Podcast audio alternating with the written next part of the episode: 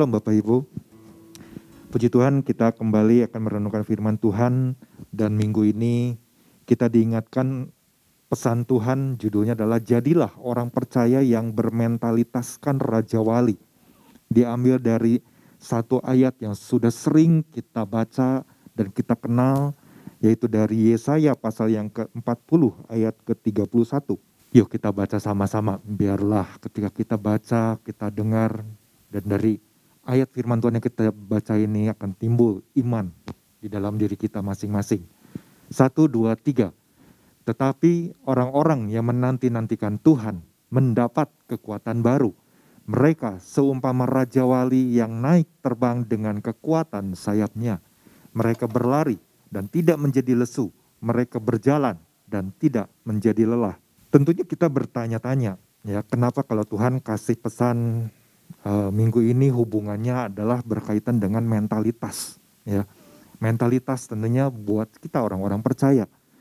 Dan kenapa Tuhan sampai ingatkan untuk bermentalitaskannya itu seperti burung Raja Wali. Pasti kan ada sesuatu ya lewat burung Raja Wali ini. Dan kemarin kan kita sudah belajar waktu hari Minggu. ya Gambaran tentang uh, anak ayam dan anak Raja Wali. Ya di mana pada waktu masih berbentuk telur kemudian anak Raja Wali ini dirami oleh induk ayam sampai akhirnya menetas ya. Tapi karena dia tinggal di wilayah ya di tempat di mana anak-anak ayam itu berkumpul akhirnya mentalitasnya dia berubah. Kalau Tuhan sampai menggambarkan kenapa orang percaya harus punya mental seperti Raja Wali saya percaya pasti ada maksud Tuhan ya ada maksud Tuhan yang begitu penting yang harus kita pahami, harus kita pelajari. Dan kita sudah belajar apa dari arti mentalitas ini secara sederhana waktu hari Minggu ya yang sudah disampaikan oleh Bapak Gembala. Di situ dikatakan mentalitas itu adalah sikap, kebiasaan atau respon yang muncul ketika seseorang menanggapi suatu uh, situasi sesuai dengan nilai cara berpikir yang ia hidupi. Nah kalau kita renungkan, kita belajar ya, kita pelajari burung Raja Wali. Ini kan begitu banyak burung Raja Wali ini dipakai ya dipakai oleh orang-orang, kadang-kadang ada juga negara atau juga kadang-kadang mungkin sebuah instansi dari pemerintahan, misalnya angkatan udara atau juga mungkin kadang-kadang ada juga uh, seperti klub-klub olahraga, dia mereka memakai lambang burung raja wali. Bahkan orang menyebut ya raja burung raja wali ini e, dikatakan sebagai master of the sky. Jadi seperti penguasa di langit. Karena kalau kalau bapak ibu ketika saya mempersiapkan ini kan saya kemudian buka e, YouTube ya coba lihat e, cari dan ingin tahu seperti apa aja sih yang namanya burung raja wali ini ya. Di tinggal di wilayah-wilayah yang e, kebanyakan kan e, videonya tentang yang yang berada di Eropa ya. Di pegunungan-pegunungan yang tinggi dengan cuaca yang berubah-ubah, kadang-kadang hawa yang dingin, yang uh, turun salju, tapi mereka tetap uh, bertengger atau ada di sarangnya dengan tubuhnya yang yang begitu luar biasa gitu ya. Dan tempat tinggalnya ini adalah tempat tinggal yang sangat sulit untuk dijangkau oleh manusia ya. Jadi tempat yang memang uh, benar-benar uh, mereka apa burung-burung ini bisa memilih satu tempat yang seperti itu pasti ada sebuah keistimewaan karena itu kita nanti mau belajar ya pagi hari ini kita nanti akan belajar lebih lagi apa yang menjadi prinsip dari uh, Raja Wali ini. Tapi sebelumnya uh, saya ingin bacakan kembali pesan Tuhan buat kita ya supaya kita benar mem memahami ya karena pesan ini lagi-lagi berbicara soal identitas. Kita diingatkan sekali lagi tentang identitas. Artinya kan betapa masalah identitas ini sangat penting ya untuk dipahami dengan benar oleh kita sebagai orang percaya. Nah, Tuhan melalui pesannya ini memeringatkan ya setiap kita untuk mengecek mentalitas yang kita hidupi saat ini, ya. Jadi kita harus evaluasi, kita cek mentalitas yang saat ini sedang kita hidup, hidupi itu seperti apa. Nilai apa yang sedang kita hidupi saat ini. Apakah kita ini adalah orang percaya yang bermentalitaskan ayam atau orang percaya yang bermentalitaskan raja wali? Ya. Apakah ada beda di antara keduanya? Pasti beda, ya, pasti beda. Beda cara memandang diri, beda pula hasilnya. beda cara menghidupi nilai kehidupan selama ini akan beda pula respon dan tindakan yang akan kita lakukan dan otomatis akan beda pula hasilnya. Nah, beberapa prinsip yang sudah kita pelajari ya, baiknya apa yang disampaikan oleh Bapak Gembala, ada dua hal yang kemudian dibagikan bahwa Raja Wali itu selalu mengejar ketinggian. Nah, kemudian Raja Wali juga berani untuk melakukan perubahan demi masa depannya. Dan kemarin saudara saudara Marbun juga sudah menambahkan bahwa Raja Wali itu diciptakan di tempat tinggal yang yang ting, eh, apa di tempat tinggal yang tinggi ya. Jadi bukan di tempat yang rendah. Pagi hari ini apa lagi yang perlu kita pahami? Prinsip apa lagi yang perlu kita pahami ya berkaitan dengan pesan Tuhan ini supaya kita memiliki kekuatan yang baru di dalam Tuhan. Yang saya dapatkan adalah Raja Wali itu terlatih ya. Raja Wali itu jadi dia terbiasa untuk terbang itu selalu ada di atas badai jadi ketika badai datang, dia itu sudah terbiasa langsung ambil satu posisi, terbangnya itu di atas badai. Dan itu kan adalah sebuah proses, ya. Nggak bisa dalam satu hari, wah langsung dia cekatan ada di atas uh, apa terbang di atas badai, enggak. Ayatnya dari masih dari ayat yang, yang sama Yesaya 40 ayat 31 ya. Nah, di sini kan bagaimana kalau kita perhatikan ada satu uh, kalimat yang menarik. Mereka seumpama raja wali yang naik terbang dengan kekuatan sayapnya. Jadi raja wali ini punya kekuatan di sayapnya. Jadi saya waktu waktu persiapkan ini saya lihat, ya saya cari, saya perhatikan telur dari raja wali ini mulai menetas, kemudian dalam beberapa minggu berkembang, ya anak raja wali ini berkembang karena yang namanya burung ya rata-rata yang namanya burung ketika masih dalam bentuk telur mereka ada di sarangnya dirami sampai akhirnya menetas namanya sarang itu adalah wilayah yang sangat-sangat nyaman ya buat seekor anak anak burung. Ya burung apa pun nyaman. Kenapa? Mereka cuma menciap-ciap ciap ciap ciap bunyi seperti itu kemudian induknya tahu wah ini anakku lagi kelaparan. Langsung induknya cari makanan ya cari mangsa dan pokoknya cari makanan kemudian dibawa ke sarangnya dan anaknya diberi makan. Tinggal disuapi langsung terima. Udah kenyang tidur seperti itulah rata-rata yang namanya burung ketika masih kecil. Dulu saya ingat karena pernah apa pelihara burung merpati ya. Jadi seperti itulah cara hidupnya diam di, di, di sarangnya ya. Merasa nyaman sekali. Sampai beberapa minggu kemudian ya mulai terus bertumbuh, bertumbuh, bertumbuh. Nah, saya menemukan bahwa ketika apa melihat di YouTube itu, ketika setelah sekian minggu bulu-bulunya mulai jadi ya di, di tubuhnya, kemudian di sayapnya, si ra, anak Raja Wali ini ya mulai bertumbuh lah. Boleh disebut menjadi Raja Wali yang masih muda. Dia mulai mengepak-ngepakkan sayapnya, seperti melatih ya, melatih dirinya untuk mengepang, tapi dia masih belum bisa terbang.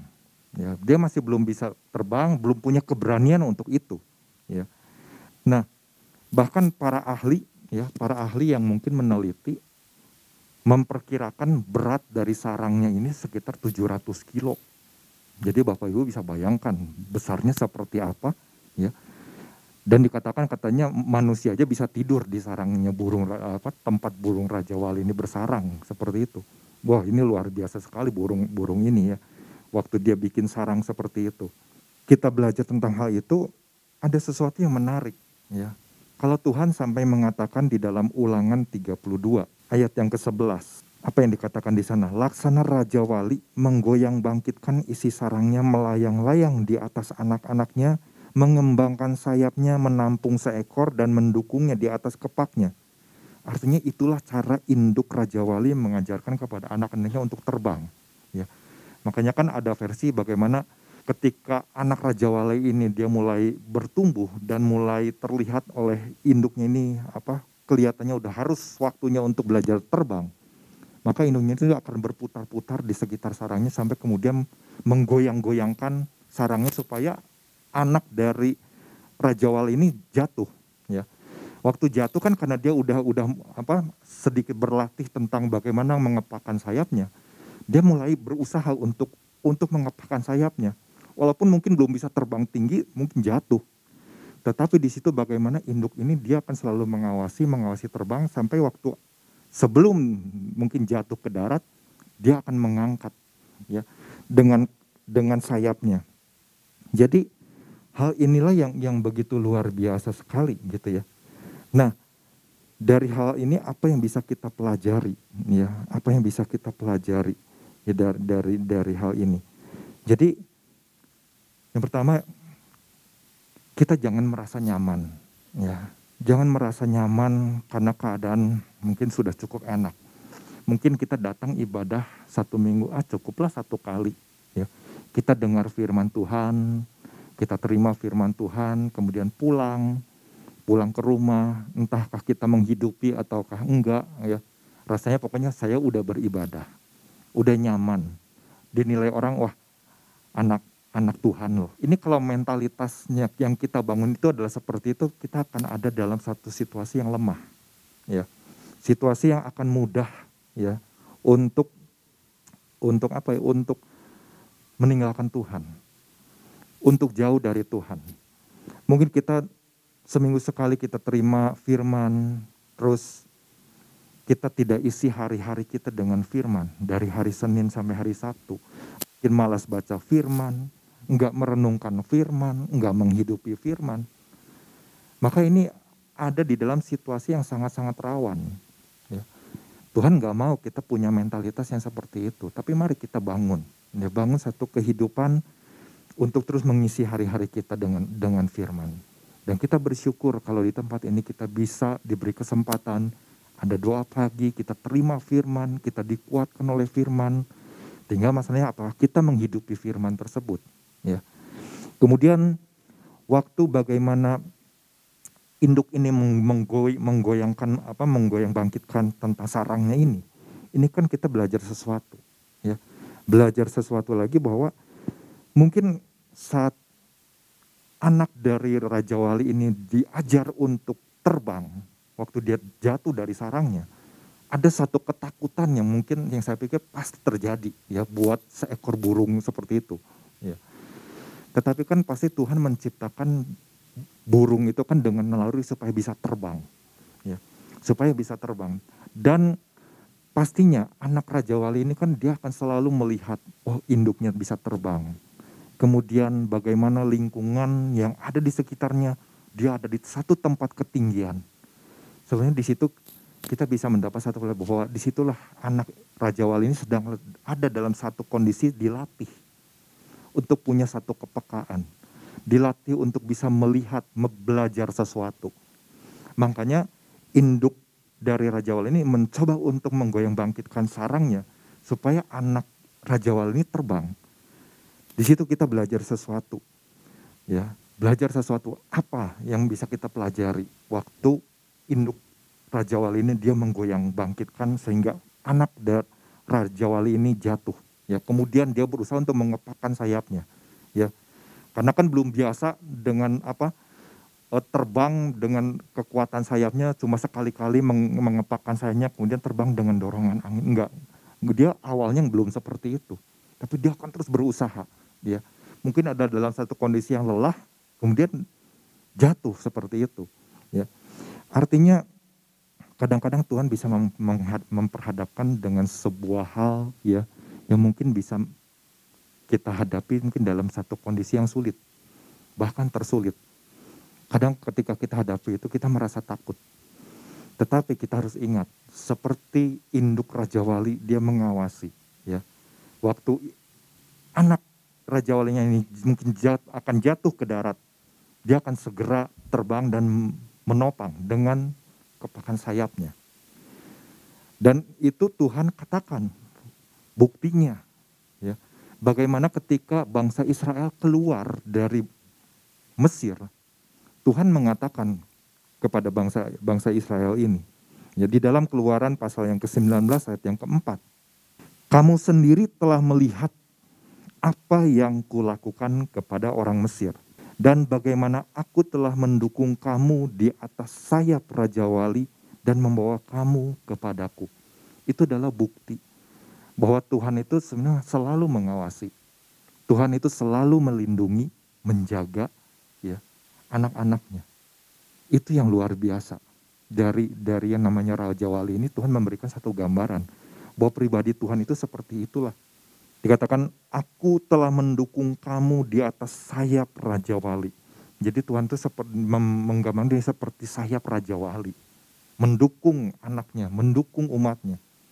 Sehingga inilah yang yang apa yang Daud renungkan, Daud tulis di dalam Mazmur 37 ayat 23 24. Jadi memberikan satu keyakinan gitu. Tuhan menetapkan langkah-langkah orang yang hidupnya berkenan kepadanya. Jadi bangsa Israel itu kan orang yang bangsa yang dipilih Tuhan. Bangsa yang ingin apa, berkenan di hadapan Tuhan. Sampai Tuhan itu menetapkan langkah-langkah orang yang hidup berkenan kepadanya.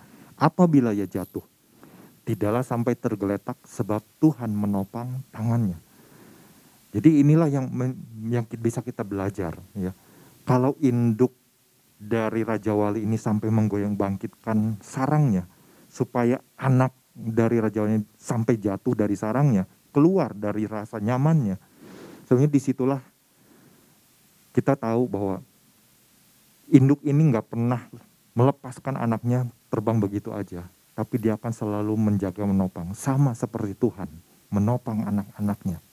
Lalu apalagi yang kita bisa belajar ya waktu waktu apa Raja Wali ini sedang dilatih untuk terbang di atas badai. Waktu anak Raja Wali ini ada di di sarang kalau namanya ketinggian dia di atas di atas bukit atau di atas gunung yang sangat tinggi itu hembusan angin itu saya percaya itu sangat-sangat kencang gitu ya. Nggak mungkin rasanya tenang gitu. Nggak ada angin sedikit pun. Biasanya di atas di atas bukit itu anginnya sangat-sangat kencang. Dan itu setiap hari ya setiap hari dirasakan oleh yang namanya burung Raja Wali ini. Induk dari Raja Wali ini seolah sedang mengajarkan supaya anak Raja Wali yang masih muda ini merasakan, mengetahui lingkungannya, belajar tentang lingkungannya, kondisi lingkungannya dan lain sebagainya sampai bisa merasakan ada satu dorongan angin. Jadi kan waktu anak Raja Wali ini mungkin dia belajar terbang kan nggak mungkin langsung wah langsung melayang rasanya nyaman sekali enggak, tapi itu terus dilatih. Bahkan ada ada satu video juga yang menggambarkan bahwa induk Raja Wali ini waktu mengajarkan anaknya terbang, dia mencabut yang namanya mungkin daun-daun dan lain sebagainya sampai di sarangnya itu cuma tinggal ranting-rantingnya. Jadi ranting-ranting ini kan cukup tajam. Kemudian induknya ini langsung mengambil si anaknya ini dengan dengan cakarnya dia angkat di bawah terbang, terbang, terbang seperti itu kemudian dilepaskan. Anak Raja Wali ini kan berusaha untuk kembali ke sarangnya.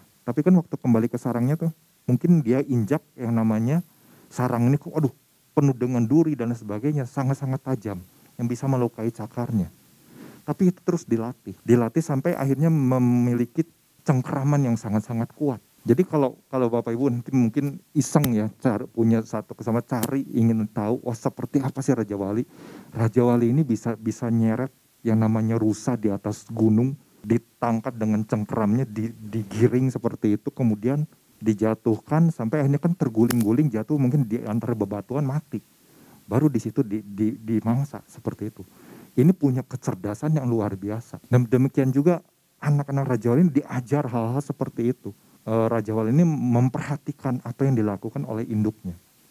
Sampai akhirnya mungkin anak Raja Wali berpikir, wah induknya ini terbang dengan luar biasa ya. Dan dia mungkin udah mulai berlatih sampai akhirnya dia mulai memberanikan diri untuk membiasakan terbang. Dan waktu terbang pasti akan awalnya didamping sampai akhirnya terlepas sendiri dan ketika ada badai, bagaimana mungkin induk Raja Wali terbang terus menembus badai tersebut dan terbang di atasnya. Di situ terlatih, terlatih dalam kondisi yang seperti itu. Ini juga yang harus kita miliki sebagai anak-anak Tuhan. Jadi di dalam kondisi yang apa pun kita harus punya yang namanya kepakaan, ketajaman.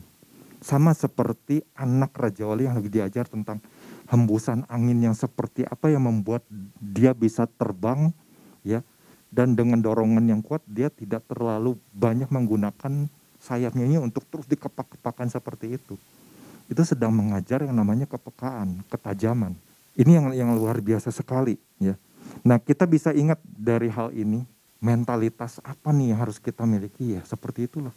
Bahwa kita itu ketika ada mungkin badai masalah datang, Jangan kita menjadi orang yang tiba-tiba down. Aduh langsung rasanya lemas sekali gitu. Kemudian ah udahlah capek, nggak cari-cari Tuhan lagi udah males. Kita ingatkan satu peristiwa bagaimana Nabi Elia waktu tiba-tiba mentalitasnya itu ambruk hanya tuh baru dengar perkataan ancaman dari Isabel. Udah kejadian belum? Belum. Baru mendengar berita bahwa Isabel akan melakukan hal yang sama seperti yang dilakukan oleh Elia ketika membabat habis yang namanya para nabi-nabi Baal. Isabel akan melakukan hal yang sama. Itu baru didengar oleh telinganya. Waduh langsung mentalnya down. Dia berpikir, aduh Tuhan lebih baik aku mati aja lah. Aku udah capek. Nah ini yang gak boleh. Gak boleh terjadi kepada anak-anak Tuhan. Dan apa yang Tuhan lakukan? Tuhan ingatkan kepada Elia. Tuhan tinggalkan gak yang namanya Eli? Enggak Tuhan tetap topang, dikasih makan. Kemudian Tuhan waktu dia pergi ke atas gunung, Tuhan kembali berbicara. Itu adalah bukti bahwa Tuhan selalu menjaga, Tuhan selalu melindungi. Ya. Karena ini ini sangat luar biasa sekali. Bagaimana kita ketika kita diingatkan oleh Tuhan, ayo punya mentalitas seperti Raja Wali. Ya. Jadi jangan mudah untuk menyerah dengan keadaan apa pun. Itu yang yang pertama, ya bagian yang pertama. Jadi bagaimana ketika burung ini sampai akhirnya dia mulai terbiasa, ya, Dila, karena dilatih oleh sang induknya ini, lewat berbagai kondisi yang sulit, ya, akhirnya dia bisa selalu ketika ada badai yang seperti apa, dia bisa langsung terbang di atas badai. Wah ini ini sangat luar biasa, ya sangat luar biasa sekali. Ya ada sesuatu yang bisa kita pelajari.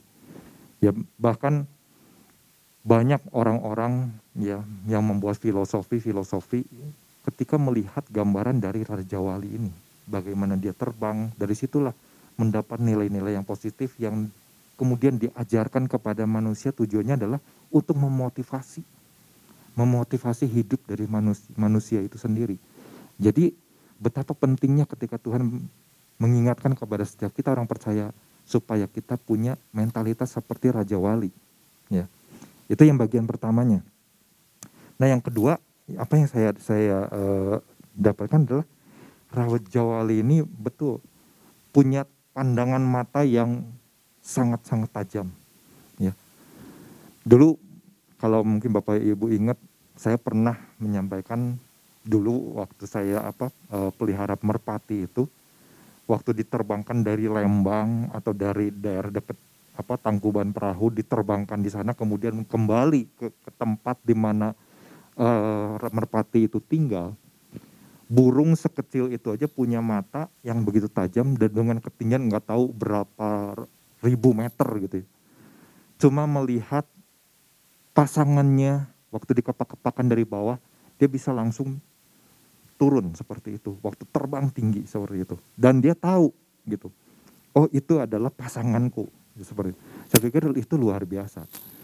Tapi bagaimana Raja Wali? Ya, Raja Wali ini waktu dia terbang dengan ketinggian ya puluhan mungkin puluhan kilometer ya puluhan kilometer artinya sangat-sangat tinggi sekali dia bisa tetap fokus ya ketika dia melihat ada mangsa yang harus dia terkam untuk menjadi makanannya dia tidak teralihkan oleh apa pun dan Raja Wali ini punya kecepatan terbang 300 km per jam.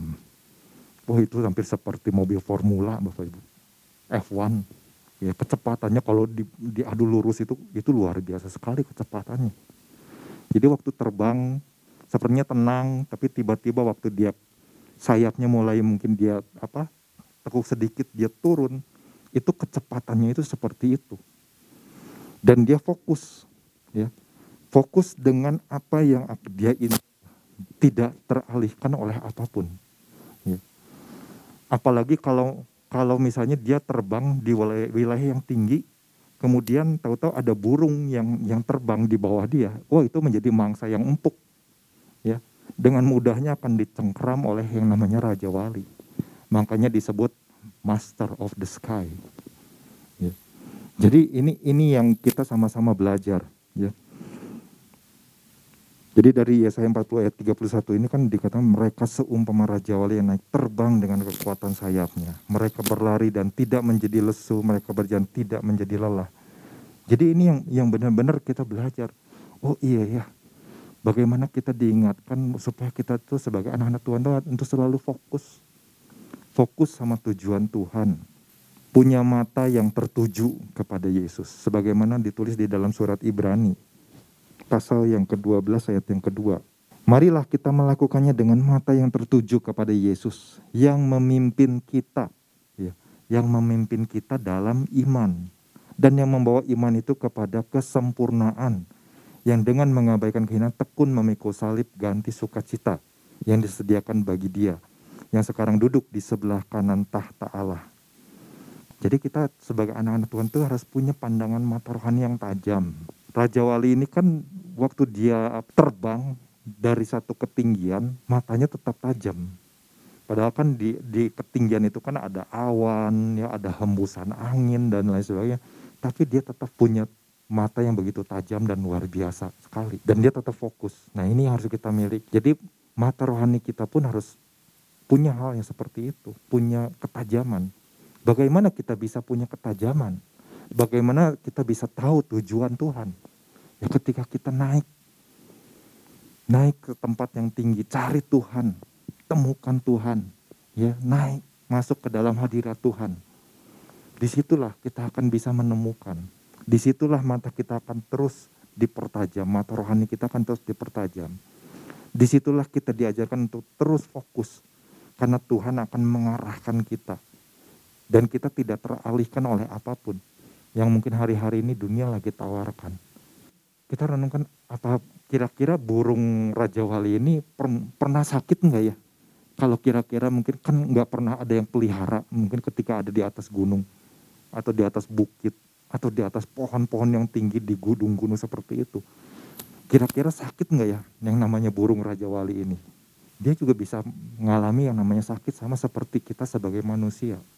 Tetapi apa yang dilakukan ketika dia merasakan tubuhnya sakit? burung Raja Wali ini dia akan cari tempat yang tinggi. Dia akan memandang, eh, mengarahkan pandangan matanya kepada kepada sinar matahari yang adalah sumber yang memberikan peranan yang sangat penting buat tubuhnya. Jadi dia terus berdiam diri ya di satu wilayah, satu tempat yang tidak terganggu oleh apa pun. Dia mengarahkannya terus ya matanya, tubuhnya terkena sinar matahari. Karena burung raja wali punya kebiasaan seperti itu. Selalu ada ya di atas gunung kemudian mengarahkan dan berdiam. Melihat kepada matahari. Nah ini juga yang kadang-kadang harus kita kita sadari bahwa kadang-kadang kan kita sebagai anak-anak uh, Tuhan kadang-kadang kita juga mungkin mengalami sakit.